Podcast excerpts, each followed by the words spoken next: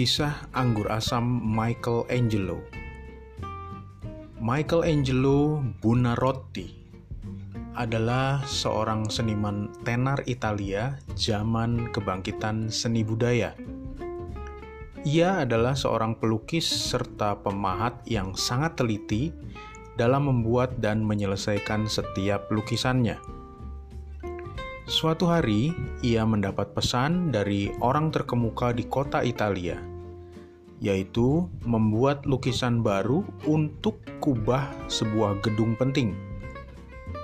Ia telah berpikir untuk waktu yang lama dan telah merombak banyak hasil karyanya yang lama, namun tetap saja ia merasa tidak puas. Suatu malam, Michelangelo pergi untuk minum anggur.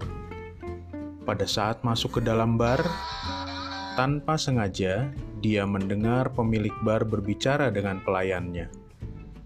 Anggur ini sudah asam, harus segera dibuang. Setelah itu, dia melihat seorang pelayan mengacungkan kapak pada drum anggur tersebut dan prak. Drum itu pecah berantakan dan anggur asam membasahi lantai. Kemudian sang pemilik bar menyuruh pelayannya untuk mengambil satu drum anggur yang baru.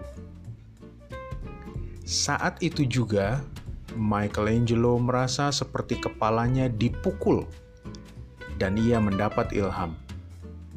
Dengan tergesa-gesa, ia kembali ke rumah, membuang seluruh karyanya yang lama, mengambil kanvas baru, dan melukis dari awal Akhirnya, dalam satu malam, ia menyelesaikan sebuah lukisan yang spektakuler. Saya Henki Iskandar, Live Encourager.